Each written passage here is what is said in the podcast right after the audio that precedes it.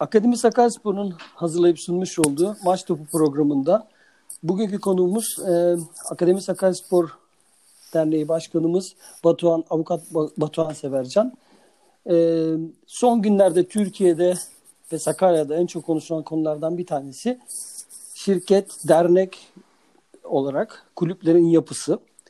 E, bugün bu konuyla ilgili e, elimizden geldiğince e, gerekli soruları sorup cevaplar almaya çalışacağız karşılıklı. E, Batuhan hoş geldin. Hoş bulduk Metin abi. E, şimdi öncelikle Türkiye'deki genel kulüp modeli hakkında bize bir kısa özet geçebilir misin? Şimdi Metin abi müsaade olursa şimdi dünya ile Türkiye'yi ayırıp iki ayrı bağlamda değerlendirmektense paralel bir değerlendirme yaparsak hızlıca e, şöyle diyebilirim. Yani çünkü Türkiye'de dünya futbolundan ve dünya Avrupa kulüplerinden veya dünyada bulunan diğer kulüplerden etkilenmek suretiyle onları takiben bir takım hamleler yapmış bugüne kadar. Dolayısıyla şunu diyebiliriz, dünyada ve ülkemizi bir tutarak söyleyebiliriz.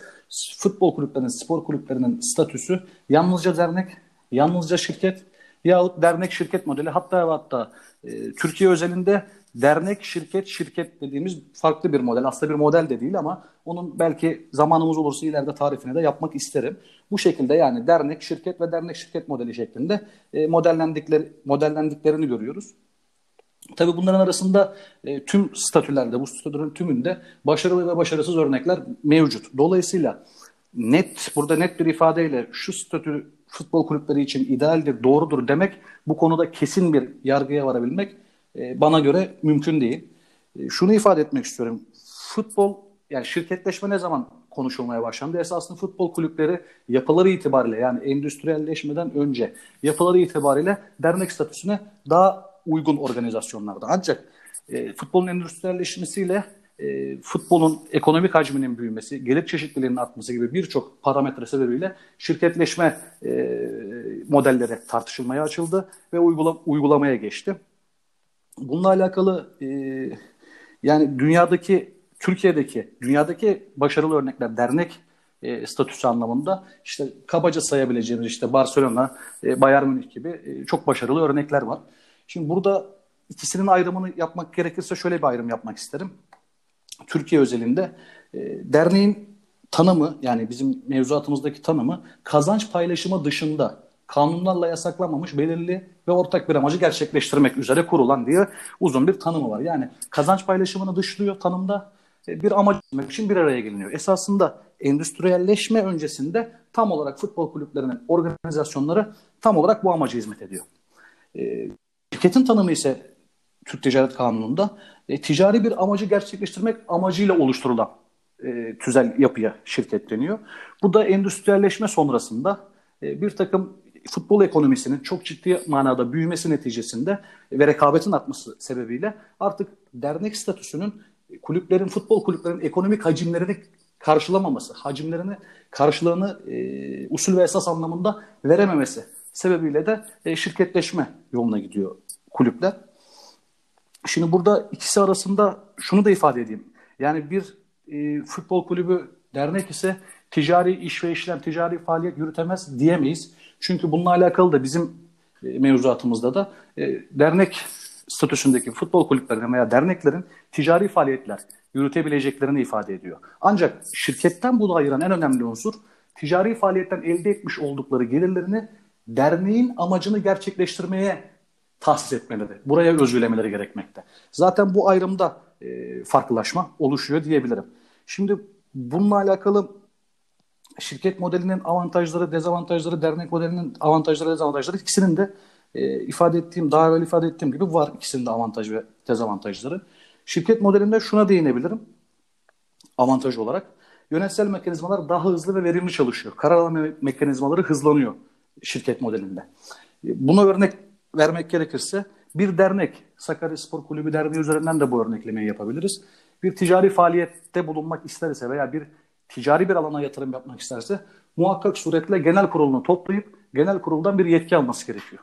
Genel kurulun toplanması da e, nitelikli çoğunluk aradığı için e, pardon genel kurulun toplanması da ilan vesaire gibi hususlar zaman alıcı işlemler olduğu için ticari hayatın hızına uyum sağlayamıyor. Yani belki yapılacak yatırımın zamanlaması zamanlama anlamında geç kalınıyor. Bu nedenle etkin ve hızlı kararlar alınamıyor. E, bir artısı, en önemli artılarından biri bu. İkincisi yine dernek modelinde bir gönüllülük esasına dayalı yönetim modeli varken yani yöneticiler gönüllülük esasına dayalı olarak e, çalışırken şirket modelinde biraz daha profesyonel yöneticiler e, ön plana çıkıyor. Bunun avantajı da şu, gönüllülük esasına dayalı olarak gelen yönetimler e, e, kısmi zamanlı ve uzmanı olmadığı konularla burada, uzmanlığı ve tecrübesi olmadığı konularla uğraşmak zorunda kalırken e, profesyonel yöneticiler alanında uzman, e, kulübün o anki ihtiyaçlarını, geçmiş ihtiyaçlarını ve gelecekteki beklentilerini tahlil edebilecek tam zamanlı ve süreklilik arz eden politikaları e, güdebiliyor, yerine getirebiliyor. E, yine şirket modelinin bunlar tabii bunların hepsi Metin abi şunu söyleyeyim bunların hepsi teoride yani e, teoride bunlar güzel. Ek olarak işte yatırım ve finans kolaylığı var. E, yine e, şirket modelinde gelir çeşitliliğini arttır, arttırabilmen gibi bir unsuru var. E, ama tabii bunların dediğim gibi hepsi teoride anlatılan güzel şeyler. Ama bunun örneklemeleri özellikle ülkemizde e, anlatıldığı şekliyle bir fiiliyat yok. Bununla alakalı da problemler var. Yine dünyada da kötü örnekler çok fazla ama bilhassa Türkiye'de e, çok fazla kötü örneği var. Dernek modeline kısaca değineceksek yani avantajları anlamında. Bir kere dernek modelinde e, ticari şirket olmanın handikapları olan işte vergisel yükümlülükler, çok ciddi vergisel yükümlülükleri var. E, basiretli tüccar olmanın e, gerektirdiği birçok hukuki yükümlülükleri var. Dernek modelinde bunlar nispeten daha az. E, yine birçok işte vergi, vergi istisnaları mevcut burada. Harçlardan muaf, birçok harçtan muaf. Yine yapılan bağış ve kazançları gelir vergisinden mahsup edebiliyorsun. Yani ekonomik anlamda da bu tip avantajları var. En önemli iki husus ki bu konuda senin de muhakkak söyleyeceklerin olur. Duygusal ve tarihsel yoğunluk anlamında futbol kulüpleri duygusal ve tarihsel yoğunluk olarak ticari şirketlerle kıyaslandığında çok farklı organiz organizasyonlar. Yani bu anlamda derneklerin işleyişi, e, denetleme mekanizmaları biraz daha futbol kulüplerine her ne kadar şirket olarak değerlendirsek de diğer tarafı futbol kulüplerine e, daha uygun olduğunu düşünüyorum. Göre nispeten daha demokratik ve aidiyet duygusunun daha yoğun olduğu e, yapılar olduğunu düşünüyorum. Şimdi e, teşekkür ederim öncelikle hani gerçekten e, içi dolu bilgiler için. E, bir şey eklemek Hı. istiyorum. Yani e, özellikle örneği şöyle vereyim. Hı. Mesela bugün e, en çok bana sorulan sorulardan biri İngiltere'de kulüpler şirketken e, sen neden her zaman dernek e, modeli veya e, demokratik seçimlerle yönetimlerin belirlendiği modeli istiyorsun diye soru geliyor. Hı hı. İngiltere'de bir kere taraftarlar 60 bin bilet alıyorlar. Tottenham Hotspur'un stadı yapılmadan önce statta sadece kombine bileti beklemek için özellikle e, Tottenham Hotspur stadı yapılmadan önce e, kombine sırası bekleyen 60 bin taraftar vardı. 60 bin taraftar ayda 20 pound yani 200 TL'yi sadece kuyrukta kalabilmek için kulüplerine ödüyorlardı. Düşünebiliyor musun? Şimdi böyle güçlü bir e, tarihi ve kültürel yapısı olan ve kulüplerin başladığı andan itibaren e, bir şirket modelle devletin e, ticari kurumlar haline getirdiği veya o günkü kurumların kendilerini e, futbolculara veya işte kulübün işleyişine e, katkı sunmak için ticaret yapmanın gerekli olduğu andan anladıkları andan itibaren şirket modelini uygulamışlar. Hı hı. Ancak Türkiye'den göremediğimiz bir şey var. İngiltere'de hiçbir kulüp sadece şirket değildir. Öyle bir e, heyetleri vardır ki o heyetler mahkemelerdeki hakimler gibidir. Onların vereceği yönlendirmelerle kulüpteki yönetim veya sahiplik istifa edebilir, görevden alınır veya işlemez hale gelir. Onun için bir katı bir sahiplikten söz etmek mümkün Metin değil. Metin abi. Düşünebiliyor musun? Hat Tottenham'daki Tottenham'daki 60 bin kişi kombinesi için bekliyor ve yani bu çok büyük bir rakam. Son olarak da şunu söyleyeyim bugün Manchester United'ı Glazer ailesinden alıp dernek yapıyoruz dersen Manchester United kulübü en azından 4 milyon üye yapar ve çok daha başarılı bir kulüp haline gelebilir. Yani Türkiye'deki bizim yaşadığımız modeli İngiltere'deki taraftarlar bugün mücadelesini veriyorlar. AFC Wimbledon, AFC United, Manchester, Portsmouth ve 40'a yakın kulüp bugün e, bu dernek şirket modeliyle yönetiliyor. E, bir son bir şey daha ekleyeyim. Batuhan sen de bir şey söyleyeceksin ama benim Türkiye'deki aslında e, önerdiğim şeyi yazıyla bazen ifade edemiyor olabiliriz. Buradan anlatayım istersen. Ben futbolun ekonomisi olduğunu inanıyorum. Endüstrisi olduğuna inanmıyorum. Özellikle bunu söyleyeyim. Yani ekonomisi varsa derneğin çoğulcu ortağı olduğu bir şirket tarafından yani kar amacı gütmeyen bir şirketin yani pay dağıtmayan veya hisselerinin mesela diyelim ki ben Metin olarak 10 koydum, Batuhan olarak sen 5 koydun, ben iki katı konuşurum diye bir hakkım olmadığı müddetçe veya ben koyduğum paranın e, peşine düşüp bundan bir kar amacı gütmediğim müddetçe şirketler yani derneğin çoğulcu ortak olduğu şirket model benim için en çok benimsediğim modellerden biri. Yani futbolun ekonomisinin işletilmesi için bence bir şirket şart. Bugün de Sakarya'da e, bu model var. Türkiye'de dört tane kulüp var. Sürekli söylüyorum Galatasaray, Beşiktaş, Fenerbahçe ve Trabzonspor. Beşinci kulüpte Sakaryaspor'dur. Bunun çok büyük avantajları var. Bunları birazcık da senin değinmeni isteyeceğim. Benim şöyle bir sen United'ı da anladığım kadarıyla eleştiriyorsun şirketleşme noktasında Glazer ailesine geçmesiyle ilgili. Çünkü bunu birçok bu alanda inceleme yapan birçok kişi United'ı bu şirketleşme noktasında işte biraz böyle zirve olan kulüp işte örnekleme olarak hep United örneği üzerinden ilerliyorlar. İstersen oraya bir şey vereyim. Glazer ailesi yavaş yavaş kulübün içerisindeki küçük küçük payları toplayıp kimse bunu hissetmeden güçlü paydaş haline gelip en sonunda bütün herkesin pay, pay, hisselerini Glazer ailesine aktardığı bir durum oluştu. Ve Glazer ailesi Manchester United'ı kaç paraya aldı biliyor musun? Ne kadar? Hiçbir paraya. Sıfır. Çünkü bütün yatırdığı parayı kendi finans şirketlerinden borçlandırdı. Kulübün gelirleri kendi finans şirketlerine bugün faiz ödüyor. Ve inanılmaz faizler ödüyorlar. Ve bunu bir ticari ahlakla yapıyor. Bunda hiçbir hata yok, hiçbir yanlış yok. Hmm. Anlıyor musun? Yani benim e, ama buradaki e, yani çıkarların çatışması diye tam Türkçesini böyle İngilizceden çevirerek söyleyeyim. Çıkarların çatışması diye çok önemli bir durum var. Ve bugün e, FC United Manchester e, kuruldu. Bu taraftarlar nasıldı biliyor musun e, Batuhan? 60 yıldan beri kombinesi olan ve her deplasmana giden 70-80 yaşındaki insanlar ayrıldılar bu kulüpten ve onların ayrılma duygularını birebir yaşadım. Çünkü o kulübün de üyesiyim, e, kongrelerine de katılıyorum. Yani burada çok kötü bir karar vermek zorunda kaldı insanlar. Yıllardan beri takip ettikleri takımı, maçlarını e, izle, içeride ve dışarıda izledikleri takımlarını e, kombinlerini kaybetmemek için büyük mücadeleler, finansal olarak da mücadeleler veriyorlar. İngiltere'de de çok ucuz değil maç takip etmek bu şekilde ve bu insanlar Glazer ailesine tepkiden dolayı başka bir kulüp kurup gerçek futbolu ve endüstrinin içine bulaşmamış futbolu yaşamak istediler. Onların e, seçimiydi bu. Yani bu şekilde de bir katkı sunmak isterim açıkçası. Bir de e, Metin abi oraya da şöyle bir ben bir ek yapmak istiyorum. Benim tespitim, benim görüşüm şu yönde. Şirketleşme bir ihtiyaç. Yani zamanla futbolun endüstriyelleşmesiyle ortaya çıkan bir ihtiyaç.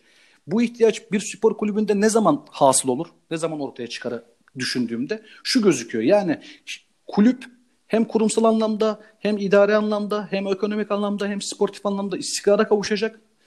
E, futbol pastasından yani gelirlerinden en çok payı alabilmek adına kendi hacminde maksimuma gelecek ve artık bu hacim yetmeyecek. Yani dernek statüsünde bu hacim yetmeyecek. Yani her şey mükemmel olacak kulüpte.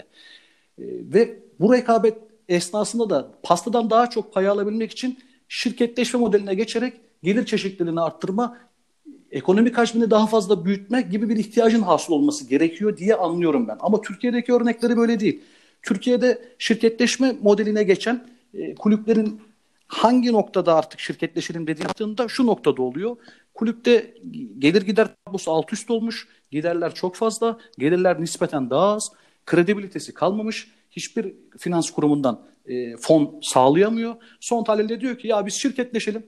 Şirketleşmenin devamında da zaten takip ediyor bu. Halka arz olalım. Halka arz olarak kısmi zamanlı yani günübirlik bir fon yaratalım. Yönetimimizde bunu kullanalım tavrını ben seziyorum Türkiye'de. Yani şirket efendim bir ihtiyaç olduğunu ancak Türkiye'de henüz kulüplerin şirketleşmesini gerektirir noktada ciddi bir futbol ekonomisi olduğunu düşünmüyorum abi. Benim görüşüm bu yönde. Zaten Türkiye'de bir futbol ekonomisi olmadığını e, TFF Başkanı'nın e, Bakan Bey'in yanına gidip e, e, yayıncı kuruluşun CEO'suyla görüşmesi e, zaten kendi kendine gösteriyordu. Yani burada bir e, zaten Türkiye'deki futbolun bir değeri kalmadı ve Bein Sport bunu her ortamda e, ifade ediyor, gösteriyor. Onun için bir bir e, bir de taraftar açısından bunu e, bakmak hı hı. istiyorum. Biz sürekli talep ediyoruz. Ancak e, ortaya koyduğumuz gerçek bir taraftar kültürü var mı? Gerçekten bir futbol kulübü kültürü var mı? Bir futbol cam, kulübü camiası olma kültürü var mı konusunda benim endişelerim var. Yani bugün e, köklü e, yapılara sahip kulüplerde baktığımızda 50-60 bin kombineyle oynuyorlar. Kulüpleri bir ürün sattığında sürekli orada bulunuyorlar. Ama kulüpleri bir ürün ortaya koyarken de görüşleri alınıyor.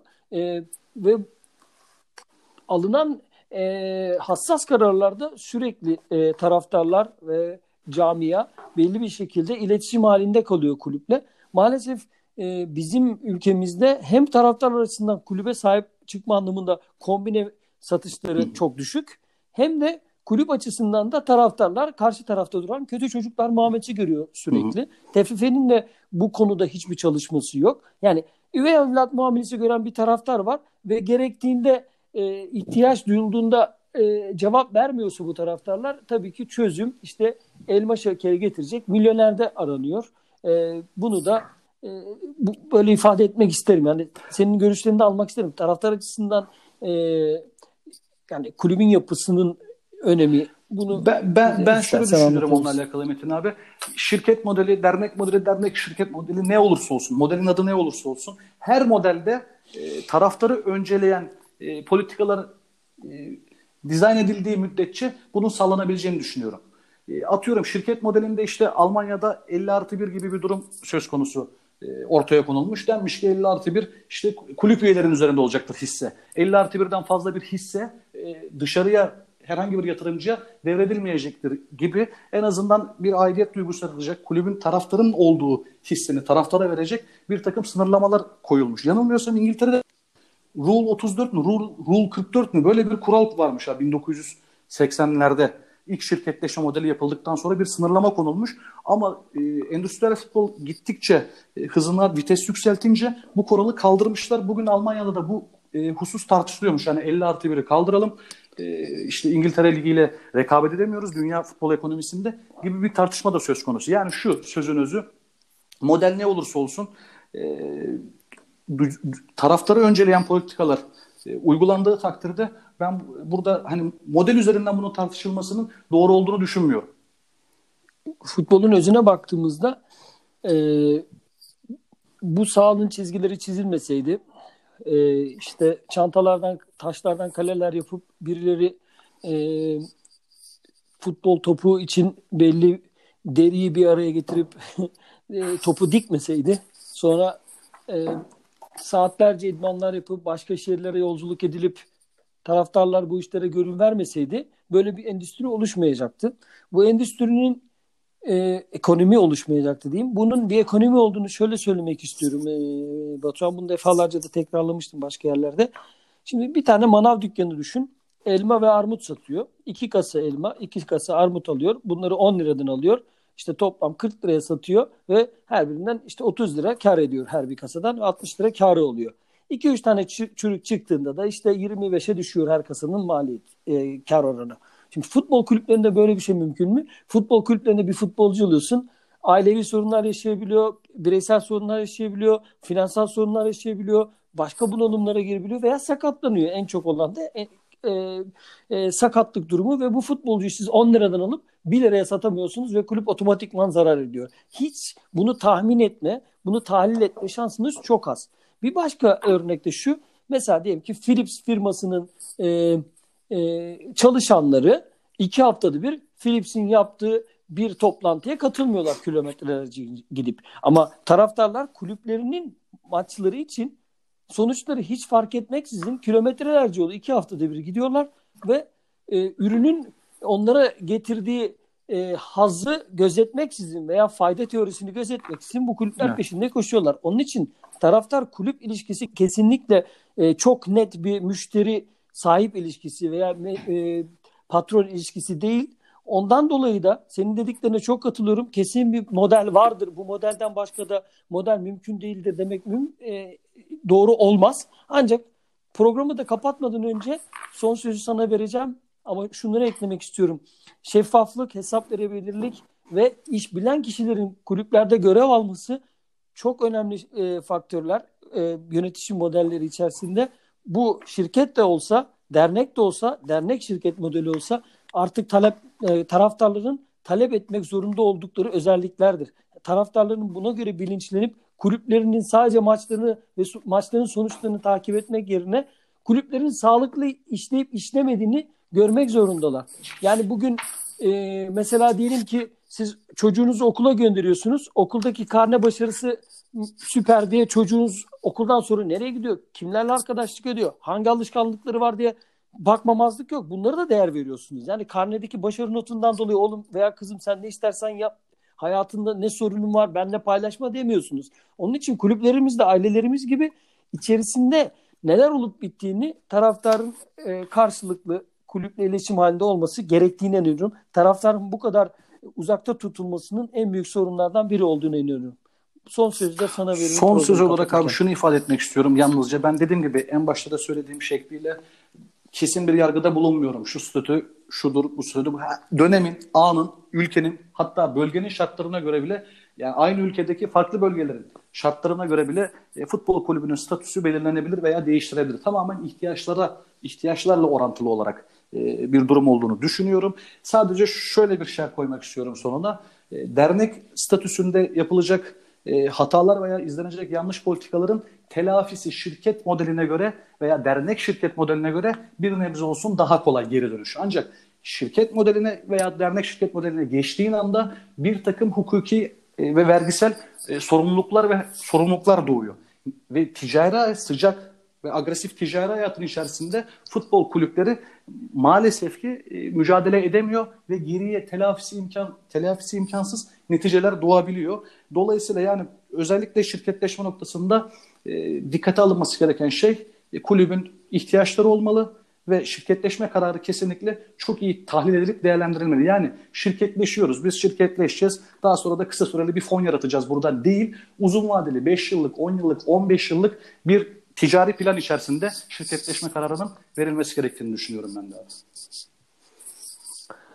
Ee, Batuhan e, umarım e, dinleyiciler için de iyi bir program olmuştur. Akademi Sakaryaspor'un hazırlayıp sunduğu maç bu programının bugünkü e, konusu kulüplerimizin dernek şirket modeli, dünyadaki örnekleri, Avrupa'da örnekleri ve ülkemizdeki örnekleri, avantajları ve dezavantajlarını konuştuk. Hepinize e, neredeyseniz, hangi saatteyseniz iyi günler, iyi geceler, iyi sabahlar. Görüşmek üzere. Görüşmek üzere.